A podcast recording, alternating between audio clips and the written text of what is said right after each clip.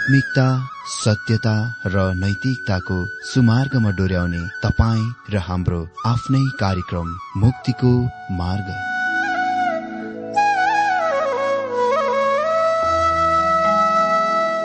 आदरणीय श्रोता यस मुक्तिको मार्ग कार्यक्रममा हार्दिक स्वागत छ।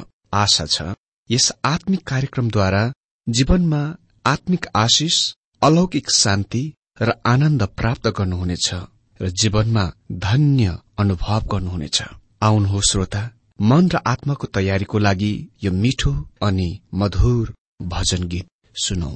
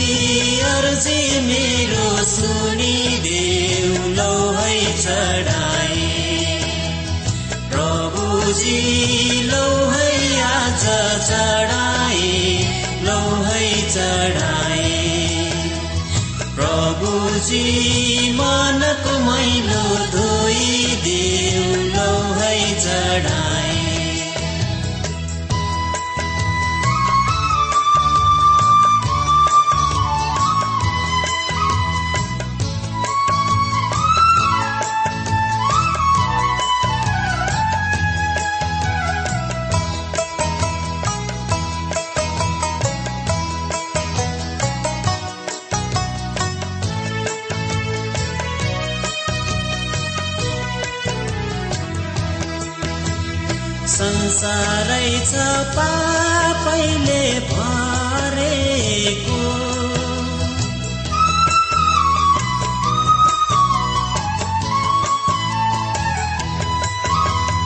संसारै छ पापैले भरेको। धनको लोमा सबै परेको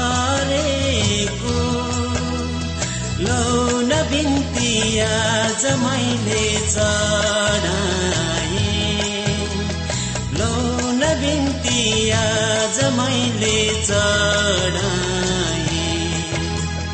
प्रभुजी अर्जी मेरो सुनिदेऊ लौ है चढाए। प्रभुजी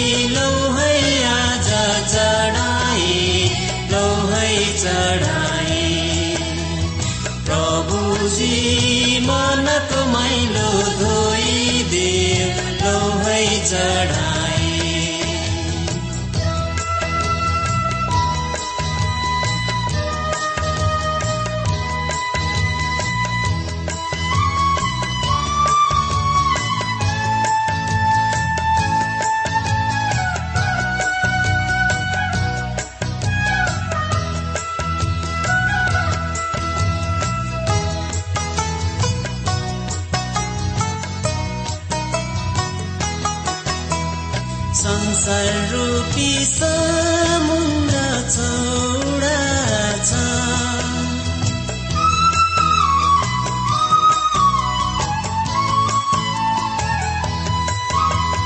संसार रूपी समुद्र चौडा छ।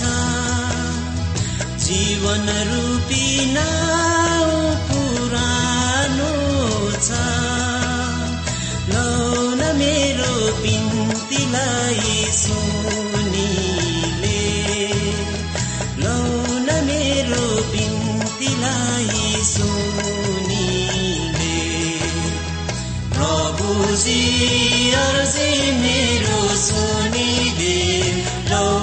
चढाए। प्रभुजी लौ है आज चढाए लौ है चढाए। प्रभुजी मनको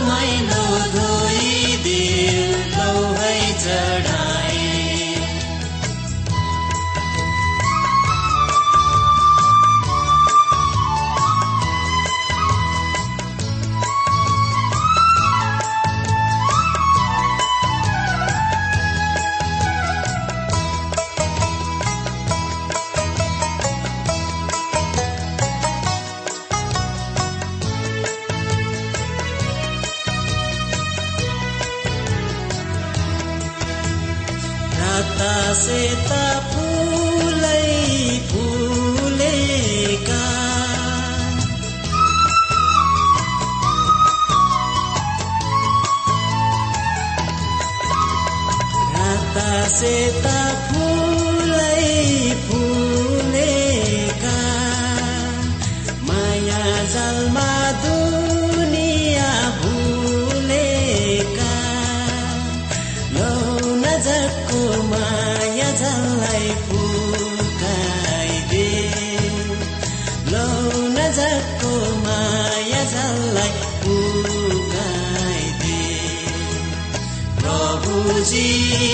अर्जी मेरो सुनिदे लौ है चढाए।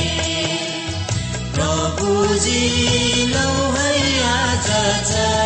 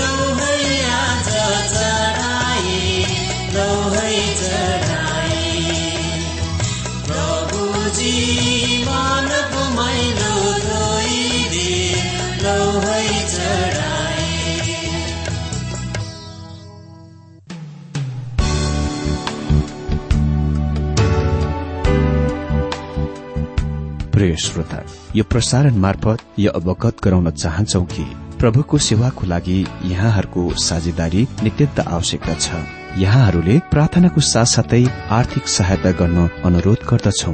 तपाईँहरूको सानो भन्दा सानो भेटी किन नहोस्? हामी प्रभुको नाममा स्वीकार गर्नेछौ। प्रभुको सेवाको लागि। तपाईँहरूको यो सानो लगानीले कसैको जीवनमा भिन्नता ल्याउँछ? अनि प्रभुको महिमा हुन्छ। प्रभु तपाईँहरूलाई महान गरी आशिष दिनुहुनेछ। इच्छुक श्रोताहरूले तपाईँको इच्छा भेटी हाम्रो ठेगानामा पठाउन सक्नुहुन्छ जुन ठेगाना हामी कार्यक्रमको अन्तमा दिनेछौ। प्रिय श्रोता मित्र प्रभु येशु ख्रिस्टको मधुर अनि सामर्थ्य नाममा मेरो जयमसी तथा हार्दिक स्वागत छ आजको यो बाइबल अध्ययन कार्यक्रममा। श्रोता आजदेखि हामी नयाँ पुस्तकबाट बाइबल अध्ययन गर्न गइरहेका छौं। त्यो हो पुरानो नियमको योनाको पुस्तक। आज हामी खालि परिचय भाग मात्र देख्नेछौ। योनाको पुस्तक बाइबलमा एक त्यस्तो पुस्तक हो जुनको सम्भवत अरू अन्य कुनै पुस्तकहरूभन्दा धेरै आलोचना गरिएको छ खण्डन गरिएको छ। अभाग्यवश धेरै ख्रिस्टियनहरू पनि यस पुस्तकमाथि सन्देह गरेका छन् र आलोचकहरूको कुरामा लयमा लय तालमा ताल मिलाएर तिनीहरूको कुरामा सहमत जनाउँछन्। अनि स्वतन्त्रवादी ख्रिस्टियनहरूले यो योनाको पुस्तकलाई रूपक दृष्टान्तको कथाको रूपमा मान लिन्छन् र यो भन्छन् कि जुन कुरा योनाको पुस्तकमा घटेको छ त्यो वास्तवमा कहिले पनि र कति पनि घटेको थिएन। आलोचकहरूका केही अमित व्ययी सिद्धान्तहरू थ्योरीहरू यति धेरै झक्कड र भद्दा छ कि तिनीहरू लगभग हास्यास्पद छन्। हजुर। तिनीहरूले योनाको पुस्तकको सम्बन्धमा दिएका तिनीहरूका आफ्नो व्याख्याको विश्वास गर्नुभन्दा त्यसै योनाको पुस्तकको विश्वास गर्न अति नै धेरै सरल र आसन छ। म योनाको पुस्तकको यी केही विशिष्ट मुख्य व्याख्याहरूको तपाईँलाई बताउन चाहन्छु। पहिलो कोही कोही आलोचकहरू आफ्नो दावीको सपोर्ट गर्न आड दिन प्रमाणको तथ्य बेगर भन्छन् कि योना यारे फाटका विधवाका छोरा थिए। दोस्रो त्यहाँ कोही कोही छन् जसले यो सिद्धान्तको दिएका छन् कि योनाले जहाजमा सपना पाएथे जब उनी आधी तुफानको अवधिमा सुतेथे र योनाको पुस्तक चाहिँ उसको सपनाको विवरण हो। अनि तेस्रो कोही कोही चाहिँ योनाको पुस्तकलाई समुद्री विलक्षणको पशु र अति नै बलवान मानिसको फोनेसियन दन्त्य कथा वा काल्पनिक कथासँग जोड्दछन्। त्यहाँ कति पनि समानता छैन। चौथो अर्को समूहले यो विचारका लिँदछन् कि योना वास्तविक चरित्र व्यक्तित्व थिए र टार्सिसतिर जाने जहाजमा सवार गरिरहेको बेला आँधी तुफानले उसको जहाजलाई नष्ट गरिदियो। आँधी तुफान र जहाज नष्ट हुने कुरापछि योनालाई अर्को जहाजद्वारा उठाई जुन जहाजको अग्रभागको रूप चाहिँ माछा जस्तै थियो। र त्यसले योनाको पुस्तकमा रेकर्डको लागि आड सपोर्ट दिन्छ। म राम्ररी बुझ्न सक्छु यदि योनालाई आँधी तुफानपछि उठाएपछि टिपिएपछि उनी केही समयसम्म अचेत अवस्थामा थिए म यो पनि कल्पना गर्न सक्छु कि उसले यो पनि सोचे होला आभास गरे होला कि त्यस समयमा उनी माछामा थिए। तर म यो विचार मान्ने व्यक्ति हुँ। योना निश्चय नै यो निष्कर्षमा आउने थिए कि उनी जहाजमा थिए माछाभित्र होइन। अनि पाँचौं अनि त्यहाँ कोही कोही छन् जसले अति नै धेरै हाँस उठ्दो हास्यास्पद विचार दिन्छन्। तिनीहरू भन्छन् त्यहाँ एक विशाल मरेको माछा समुद्रमा तैरिरहेको थियो। र आँधी तुफानको बेला योनाले त्यसमा शरण लियो। यो विचार मानिसहरूसँग मरेका माछा र जिउँदो योना थियो। हामी यस पुस्तक अध्ययनमा प्रवेश गर्न भन्दा पहिले म यो भन्न चाहन्छु कि बरु हामीसँग जिउँदो माछा र मरेको योना छ। त्यसकारण स्वतन्त्रवादी लिबरलहरूले यो विचार मान्दछन् कि योनाको पुस्तक खालि एक रूपक मात्र हो दृष्टान्तिक कथा मात्र। मतलब यो खालि एक काल्पनिक कथा मात्र हो। त्यस्तो कुनै वास्तविक घटना कहिले घटेकै थिएन। हामीले यी आलोचकहरूका सम्पूर्ण अनुमान र धारणाहरूको रद्द गर्दछौ किनकि तिनीहरूमा ऐतिहासिक दृष्टिकोणबाट कुनै आधारभूत तथ्य र प्रमाण छैन। हामी विश्वास गर्दछौ र यो प्रमाणित सिद्ध गर्न सकिन्दछ कि यो न ऐतिहासिक व्यक्ति थिए। न कि दन्त्य कथा काल्पनिक कथाको कुनै चरित्र। यो योनाको पुस्तकमा उल्लेखित विवरण बिल्कुल सही र ठिक सत्य हो। अनि यो पनि देखिन्दछ कि तपाईँ र म रहेको यो सङ्कष्टकालीन समयको लागि पनि यो पुस्तकको सन्देश अति नै महत्वपूर्ण र अर्थपूर्ण छ। यो न ऐतिहासिक चरित्र हुन् र यो पुस्तकको लेखक पनि। म ऐतिहासिक पुस्तकतिर फर्किन चाहन्छु। दोस्रो राजा चौध अध्यायको तेइस पदमा हामी पढ्छौ। चौधको तेइस पदमा यहुदाको राजा युवासका छोरा अमस्याको पन्ध्रौं वर्षमा इसरायलका राजा युवासका छोरा यारोबाम सामरियाका राजा भए र तिनले एकचालिस वर्षसम्म राज्य गरे। जहाँसम्म म जान्दछु कसैले पनि प्रश्न गरेका छैनन् कि यारोबाम दोस्रो रहेका थिए र उनी उत्तरी राज्य इसरायलका राजा थिए र उसले एकचालिस वर्ष शासन गरेका थिए। यो वास्तवमा ऐतिहासिक रेकर्ड हो। हामी अगाडि दोस्रो राजा चौध दिएको चौबिस र पच्चिस पदमा पढ्छौ तिनले परम प्रभुको दृष्टिमा जे कुरो खराब थियो त्यही गरे। इसरायललाई पाप गर्न लाउने नबादका छोरा यरोबामका पापी चालहरू तिनले त्यागेनन्।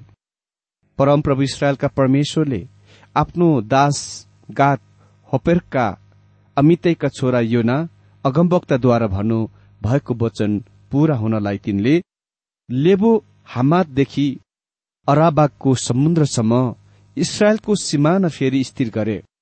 किनभने इसरायलले साह्रै कष्ट भोगेको परमप्रभुले देख्नु भएको थियो। यारोबाम वास्तविक व्यक्ति थिए र इसरायल वास्तविक राष्ट्र थियो र हामात वास्तविक स्थान थियो। निश्चय नै योना पनि वास्तविक व्यक्ति थिए। यो ऐतिहासिक रेकर्ड हो अनि यो कुराको निष्कर्षमा आउन उचित र विश्वासयोग्य छ कि योना ऐतिहासिक चरित्र हुन् व्यक्ति हुन्। सायद कसैले यो भन्ला यस बिन्दुमा कि यो अर्को योना हुन्? हजुर यो कुराको विश्वास गर्न मुनासिब वा कारण युक्त छैन। त्यहाँ दुई योनाहरू थिए जसका पिताहरूका नाम अमत्ताई थिए जो दुवै नै भविष्यवक्ता थिए। अह यो विशेष गरेर स्पष्ट प्रमाणित कुरा हो जब यो अवलोकन गरिएको छ कि यो नाको नाम प्रचलित आम नाम थिएन। यो नाम केवल दोस्रो राजाका पुस्तक र यहाँ योनाको पुस्तकमा र नयाँ नियममा त्यस पुस्तकको सन्दर्भमा मात्र उल्लेख छ। बाइबलमा खालि एक एउटै योना मात्र छन् र उनी ऐतिहासिक व्यक्ति हुन्। यस सम्बन्धमा योनाको मामलालाई अन्य भविष्यवक्ताहरू र ओबदियासँग तुलना गर्न अति नै चाखलाग्दो कुरा हो। जहाँसम्म मलाई जानकारी छ कुनै पनि आलोचकहरूले ओबोदिया नाम गरेको व्यक्ति जसले ओबोदियाको पुस्तक लेखेथे अस्तित्वको प्रश्न गरेको छैन। उनी थिए वा थिएनन् भन्ने सन्दर्भमा प्रश्न गरेका छैनन्। तर पनि चाहे पुरानो नियममा होस् या नयाँ नियममा ओबोद्याको सम्बन्धमा एउटा ऐतिहासिक रेकर्ड पनि छैन। स्वतन्त्रवादी लिबरलहरूले ओबदियाको स्वीकार गर्दछन्। तर तिनीहरूले योनाको चाहिँ इन्कार गर्दछन्। किन? किनभने तिनीहरूले यहाँ उल्लेखित आश्चर्य कर्मको इन्कार गर्न चाहन्छन्। हामीसँग पुरानो नियममा योनाको ऐतिहासिक रेकर्ड छ। र हामीसँग नयाँ नियममा पनि प्रभु येशुले दिनुभएको योनाको रेकर्ड छ। उहाँ स्वयंले योनाको ऐतिहासिक चरित्र र माछाभित्र उसको अनुभवको वास्तविकताको वा सत्यताको व्यक्तिगत रूपमा प्रस्तुत गर्नुभयो दिनुभयो। हामी लुका एघार अध्यय तीस पदमा पढ्छौ। उहाँले भन्नुभयो जसरी निन्वेका मानिसहरूका निम्ति योना एउटा चिन्ह थिए उसरी नै यस पुस्ताको निम्ति मानिसका पुत्र पनि हुनेछन्। त्यसपछि मती बाह्र अध्यय उन्तालिसदेखि एकतालिस पदमा हामी पढ्छौं। तर उहाँले तिनीहरूलाई जवाब दिई भन्नुभयो दुष्ट र व्याविचारी पुस्ताले चिन्ह खोज्दछ अनि यो न भविष्यवक्ताको चिन्ह बाहेक अरू कुनै चिन्ह यसलाई दिइने छैन। किनकि जसरी योना ठूलो माछाको पेटभित्र तीन दिन र तीन रात थिए उसरी नै मानिसका पुत्र पनि पृथ्वीको पेटभित्र तीन दिन र तीन रात हुनेछन्। न्याय हुँदा निन्वेका मानिसहरू यस पुस्तासँग उभिनेछन् र यसलाई दोषी ठहराउनेछन् किनकि योनाको प्रचारमा तिनीहरूले प्रस्ताव गरे। अनि हेर योना भन्दा महान यहाँ छन्। जुन क्षण तपाईँ योनाको पुस्तकको ऐतिहासिक रेकर्डको प्रश्न गर्नुहुन्छ तपाईँ प्रभु येशु ख्रिस्टको विश्वसनीयता वा प्रमाणको प्रश्न गर्नुहुन्छ। योना भविष्यवक्ता थिए। तर उसको सानो पुस्तक भविष्यवाणी होइन। यसको मतलब भविष्यको कुनै भविष्यवाणी यसमा रेकर्ड गरिएको छैन। यसको सट्टामा यो योनाको जीवनमा मुख्य घटनाहरूको व्यक्तिगत विवरण हो। कथा बताउनेवालाको रूपमा उसले हामीलाई उसको अनुभव दिन्छन्। यो वृत्तान्तले दुई महान सन्देशहरू बोक्दछ। यहाँ हामीसँग महाक्लेशको अवधिमा इसरायल राष्ट्रको सानो तस्विर वा रूप छ। अर्थात त्यस तस्विर कि कसरी परमेश्वर आफ्ना जन एक लाख चौवालिस हजारहरूलाई बचाउनुहुनेछ जसलाई प्रकाशको पुस्तकमा छाप लगाइएका छन्। यहाँ हामीसँग यसु ख्रिष्टको पुनरुत्थानको सम्बन्धमा अद्भुत शिक्षा छ। यो पुस्तक वास्तवमा पुनरुत्थानको भावी भविष्यवाणी हो। प्रभु येशु स्वयंले भन्नुभयो जसरी योना निन्वेवासीहरूको निम्ति चिन्ह थिए उहाँ पनि आफ्ना पीढ़ीहरूका निम्ति मृत्युबाट आफ्नो पुनरुत्थानमा चिन्ह हुनुहुनेछ। योनाको पुस्तक माछाको कथा होइन। यो पुस्तक यो मानिसको तस्विर हो जो मृत्युबाट जी उठेका थिए अनि त्यो सिंहासनको तस्विर हो जुनको बीचमा मारिएको थुमाको जस्तो उभिनु भएको थियो। यो थुमा पुनरुत्थित थुमा हो र ख्रिस्टलाई अस्वीकार गर्ने संसारहरू कुनै दिन यसरी चितकार छोड्नेछन्। प्रकाश छ अध्ययको सोह्र पदमा सिंहासनमा बस्नुहुनेको मुखबाट र थुमाको क्रोधबाट हामीलाई लुकाइदेऊ। अनि अर्को मुख्य विषय वस्तु के बनाउन चाहन्छु भने माछा यस कथाको हिरो हो न यस कथाको भिलेन वा डाकु बदमास यो पुस्तक माछाको बारेमा पनि होइन। यद्यपि माछा यहाँ अति नै महत्व बने तापनि यस पुस्तक योनामा मुख्य कुरा र खास कुरा यहोवा र योनाको परमेश्वर र मानिस बीच। बस रूढिगत वादी बाइबल विद्वानहरूले यो पुस्तक लेखेको मिति चार सौ पैंतालिस ख्रिस्टपूर्व भन्दा पहिले राख्दछन्। योनाको पुस्तकको घटना करिब यस समयमा स्थान लिएथ्यो अनि कोही कोहीले यस पुस्तकलाई आठ सौ साठी ख्रिस्टपूर्वतिर राख्दछन्। मेरो विचारमा यसलाई आठ सौ र सात सौ पचास ख्रिस्टपूर्वको बीचमा राख्दा उक्तम होला।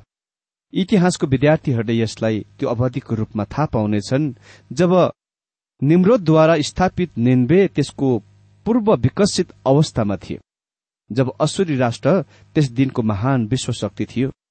त्यो राष्ट्रलाई करिब छ सय छ ख्रिस्टपूर्वमा नष्ट गरियो।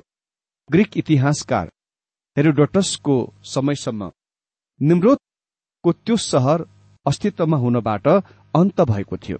मतलब सहरको अस्तित्वमा थिएन। सहर त्यतिखेरै खडा भएको थिएन त्यतिन्जेलसम्म जब सेनोफोन त्यस सहरमा भएर गए त्यो सुनसान र उजाड छोडिएको थियो। तर उसले यो स्पष्ट गरे वा साक्षी दिए कि पर्खालहरू अझै उभिएको थियो र करिब एक सय पचास फिट उच्चाइ थियो। इतिहासकारहरू अहिले अनुमान गर्दछन् कि तिनीहरू एक सौ फिट उच्च र चालिस फिट बाक्लो थियो। हामी देख्न गइरहेका छौं कि निन्बे महान सहर थियो र हामीलाई यहाँ रेकर्डमा धेरै कुरा भनिएको छ। योनाको पुस्तकको सानो पुस्तक हो जुनमा चार छोटा अध्यायहरू छन्। यहाँ छ महत्वपूर्ण विषयहरू छन् जुनले योनाका पुस्तकमा सूचित र विकास गरिएका छन् जुनले यसको आज हाम्रो लागि पनि अति नै धेरै प्रासंगिक बनाउँछ। पहिलो यो पुरानो नियममा एक त्यो पुस्तक हो जुनले येशु ख्रिस्टको पुनरुत्थानको पेश गर्दछ। ख्रिस्टियन विश्वासका सम्पूर्ण महान सिद्धान्त र शिक्षाहरू पुरानो नियमका निश्चित पुस्तकहरूमा पेश गरिएका छन्। उदाहरणको निम्ति प्रस्थानको पुस्तकले छुटकाराको वा उद्धारको पेश गर्दछ। ती पापीको लागि पापबाट छुटकारा जो ख्रिस्टमा आउँदछ उसको त्यस पुस्तकमा व्याख्या गरिएको छ। मित्र रुथको पुस्तकमा तपाईँसँग छुटकाराको रोमान्स वा प्रणय गाथा छ। अर्थात् छुटकाराको प्रेम पक्ष वा प्रेमतर्फ छ। एस्तरको पुस्तकमा तपाईँसँग व्यवस्था प्रबन्धको रोमान्च वा प्रणय गाथा छ। अयुबको पुस्तकले म विश्वास गर्दछु पस्ताको सिकाउँछ। तपाई शास्त्रहरूमा हाम्रा विश्वासहरूका महान सिद्धान्तहरू र शिक्षाहरू पुरानो नियमका विभिन्न पुस्तकहरूमा नमूनाद्वारा स्पष्ट गरिएको पत्ता लगाउन सक्नुहुन्छ। योनाका पुस्तकले प्रभु येशु ख्रिष्टको पुनरुत्थानको नमूनाद्वारा स्पष्ट गर्दछ र सिकाउँछ। यदि यस पुस्तकले पुनरुत्थानको महान शिक्षा वा सिद्धान्तको सिकाउँदैन भने तब यो ख्रिस्टियन विश्वासको सबभन्दा धेरै महत्वपूर्ण शिक्षा वा सिद्धान्त पुरानो नियममा कुनै पुस्तकले नमूनाद्वारा स्पष्ट गरिएको छैन। यही कारणले मात्र म यस पुस्तकलाई अति नै अर्थपूर्ण महत्वपूर्ण पुस्तक भन्दछु। अनि दोस्रो योनाको पुस्तकले सिकाउँछ कि उद्धार कामद्वारा होइन तर विश्वासद्वारा जुनले प्रस्तावतिर डोर्याउनेछ। यो सानो पुस्तक मौलिकवादी र रूढीवादी यहुदीहरूले योम किपोर प्राचितको महान दिनमा पढ्दछन्। परमेश्वरतिर जाने बाटो हामीले गरेको धार्मिकताका कामद्वारा होइन तर प्रभु येशुद्वारा प्रबन्ध र प्रदान गरिएको प्रतिष्ठापक बलिदानको रगतद्वारा हो। योनाको पुस्तकमा सबभन्दा धेरै महत्वपूर्ण र अर्थपूर्ण कथन दुई अध्याय नौ पदमा छ जहाँ लेखिएको छ उद्धार परम प्रभुको हो। उहाँ उद्धारको कर्ता हुनुहुन्छ। उहाँले हाम्रो उद्धारको महान भवनको निर्माण गर्नुभयो। उहाँ कालीगण हुनुहुन्छ। अनि तेस्रो कुरा यो पुस्तकको महान उद्देश्य हो यो कुरा देखाउन कि परमेश्वरको उद्धारको उद्देश्यलाई निराश र निरर्थक पार्न सकिँदैन। योना निन्वेमा जान इन्कार गरे अस्वीकार गरे। तर परमेश्वर अझै शुभ समाचार सन्देशको निन्वेमा दिन गइरहनु भएको थियो। चाखलाग्दो कुरा यो छ कि यस विशेष मामलामा योना नै निन्वेमा परमेश्वरको लागि साक्षी हुन गइरहेका थिए। उसलाई थाहा थिएन उनी त्यहाँ गइरहेका थिए तर उनी त्यहाँ गए। चौथो यो पुस्तकमा महान सत्यता यो हो कि परमेश्वरले अविश्वासको लागि हामीलाई हटाउनुहुन्न फ्याँक्नुहुन्न। उहाँले तपाईँलाई प्रयोग गर्न नसक्नुहोला तर उहाँले तपाईँलाई फ्याँक्नुहुने छैन त्याग्नुहुने छैन। पाँचौं यस पुस्तकमा पाइने महान सत्यता यो हो कि परमेश्वर भला र अनुग्रही हुनुहुन्छ। सम्पूर्ण बाइबलमा परमेश्वरको सबभन्दा महान चित्त बुझ्ने तस्विरको लागि युहान चार अध्यय दुई पद पढ्नुहोस्। यो भन्न बिल्कुल गलत कुरा हो कि पुरानो नियमले क्रोधको परमेश्वरको प्रकट गर्दछ र नयाँ नियमले प्रेमको परमेश्वरलाई प्रकट गर्दछ। अह उहाँ योनाको पुस्तकमा बदला लिनेवाला प्रतिशोधक ईश्वर हुनुहुन्न। अनि छैटौं कुरा र अन्तिम महान शिक्षा यो हो कि परमेश्वर अन्य जातिको परमेश्वर पनि हुनुहुन्छ। जब परमेश्वरले अब्राहमलाई चुन्नुभयो उहाँले भावमा अन्य जातिहरूलाई भन्नुभयो म तिमीहरूलाई मानव जातिमा पाप आइसकेको कारण केही समयको लागि छोड्न गइरहेको छु। म तिमीहरूको लागि एक मानिस र एक जाति राष्ट्रद्वारा उद्धार तयार गरिरहेको छु। र म उद्धारक मुक्तिदाता तिनीहरूद्वारा संसारमा ल्याउनेछु अहिले परमेश्वरसँग सबै मानव जातिको लागि उद्धार छ। योनाको पुस्तकले यो प्रकट गर्दछ पुरानो नियमको परमेश्वरले अन्य जातिहरूलाई भुल्नु भएन। यदि उहाँले राहब जस्तो वेश्या स्त्रीलाई बचाउन इच्छुक हुनुभए र असुरी जस्तो क्रूर निर्दयी राष्ट्र र असुरीको राजधानी निन्वेरवासीलाई बचाउन इच्छुक हुनुभए तब म तपाईँलाई भन्न चाहन्छु कि परमेश्वर उद्धार गर्ने बचाउने काममा हुनुहुन्छ। अनि उहाँ आज पनि यस काममा हुनुहुन्छ। परमेश्वर आजको यो बाइबल अध्ययनद्वारा हरेकलाई धेरै धेरै आशिष दिनुभएको होस्।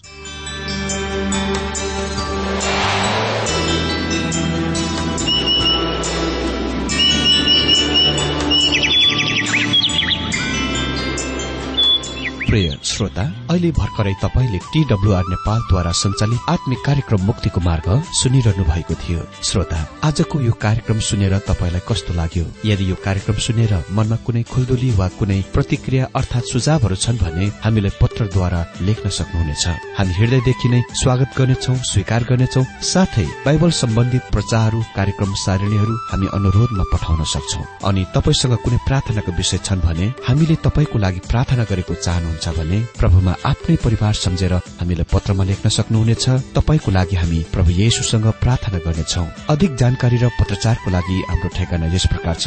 कार्यक्रम मुक्तिको मार्ग जीपीओ नम्बर उनानब्बे पचहत्तर इपिसी पच्चिस एकसठी काठमाडौँ। ठेगाना एकपल्ट सुन्नुहोला कार्यक्रम मुक्तिको मार्ग जीपीओ नम्बर उनानब्बे पचहत्तर इपिसी पच्चिस एकसठी काठमाडौँ। हाम्रो इमेल एड्रेस हो TWR Nepal at Yahoo dot com साथै यस नम्बरमा एसएमएस गर्न सक्नुहुनेछ अन्ठानब्बे चार सत्तरी पैतिस छ सय उनासी नौ आठ चार सात जिरो तीन पाँच छ सात नौ। हुन्छ श्रोता आजलाई हामी विदा चाहन्छौ।